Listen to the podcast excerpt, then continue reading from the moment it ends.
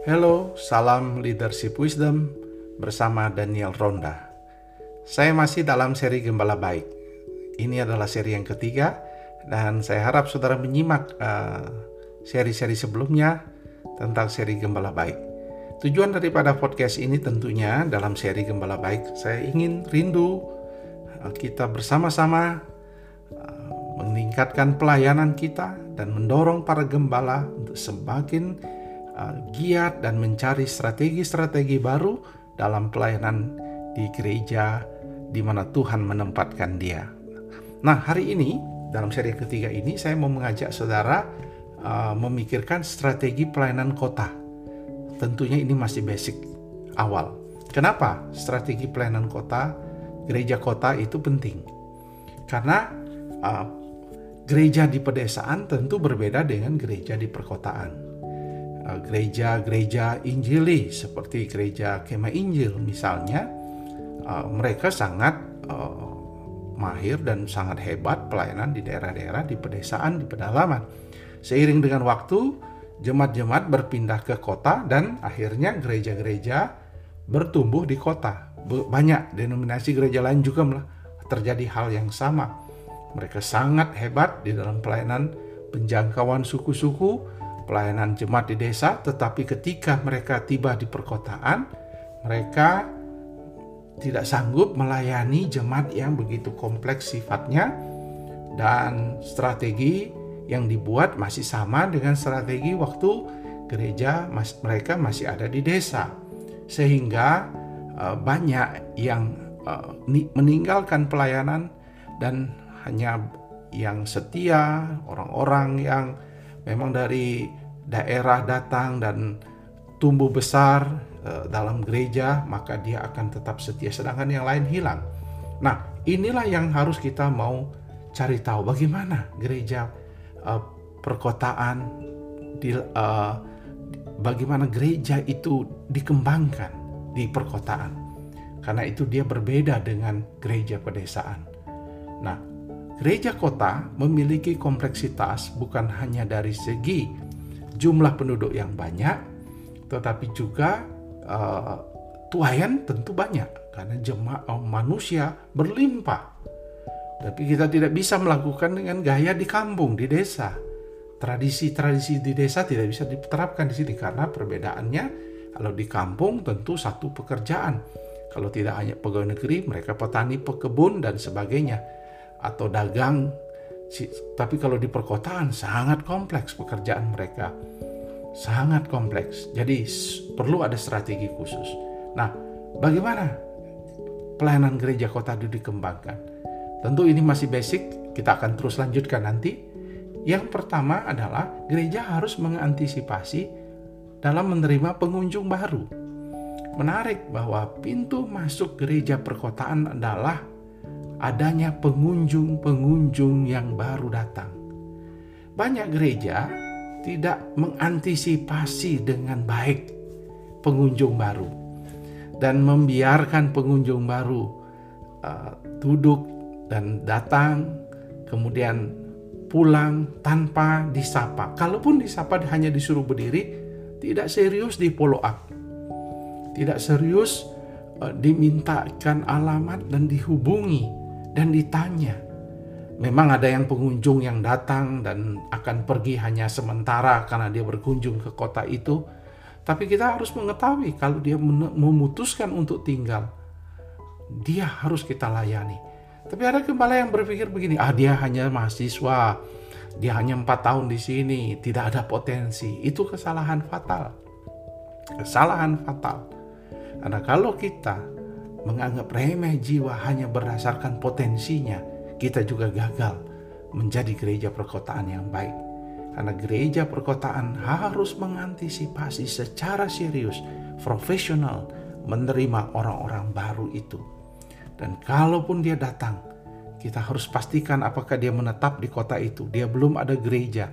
Kalau dia belum, maka saudara dan semua tim pengembalaan memaksimalkan dia boleh terus datang minggu kedua dan seterusnya sampai akhirnya dia menjadi member. Dan itu sebabnya gereja harus menyiapkan Google Map misalnya alamat yang jelas dan seterusnya sehingga gereja diketahui posisi dan tempatnya. Yang kedua dalam pelayanan gereja kota adalah gereja menciptakan budaya ramah tamah dalam jemaat. Sehingga tidak cukup bagi pengunjung gereja kota disambut dengan penerima tamu yang ramah, tapi lebih daripada itu gereja harus menciptakan jemaat yang memiliki hati menjadi tuan rumah Kristus, yaitu seluruh di jemaat diajar berlaku seperti Kristus menyambut jemaat yang baru datang.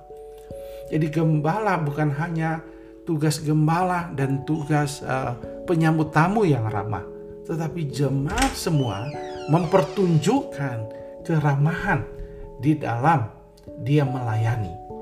Nah, inilah yang harus dilakukan oleh uh, so, gereja atau gembala supaya dia bisa mengharapkan terus bertumbuhnya gereja di mana dia melayani. Yang ketiga, pelayanan gereja kota secara basic ibadah yang hidup dan membangun.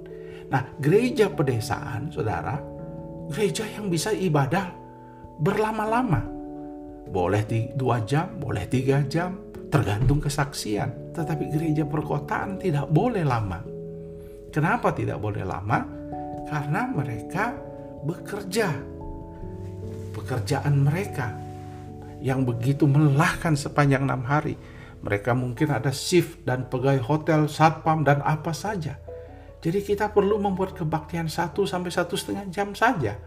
Tidak boleh jemaat gereja menciptakan oh, ibadah yang bertele-tele, kesaksian yang berpanjang-panjang, jemaat disuruh menyanyi tanpa persiapan, didesak-desak untuk bersaksi, doa syafaat yang panjang, rutin, monoton, tidak ada tidak ada isi yang sama terus-menerus.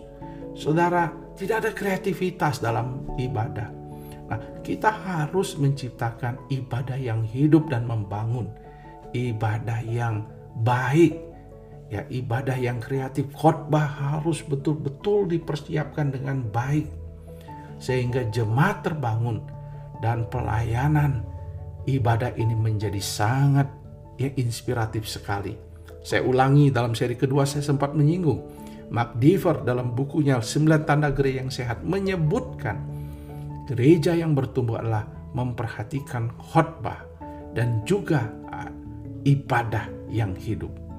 Dan yang keempat, bagaimana mengembangkan pelayanan gereja perkotaan? Libatkanlah sebanyak mungkin anak muda dalam pelayanan ibadah. Karena gereja di kota banyak anak muda. Sayang kalau mereka hanya di, dilibatkan sebagai penonton, di, diajak hanya untuk berkegiatan.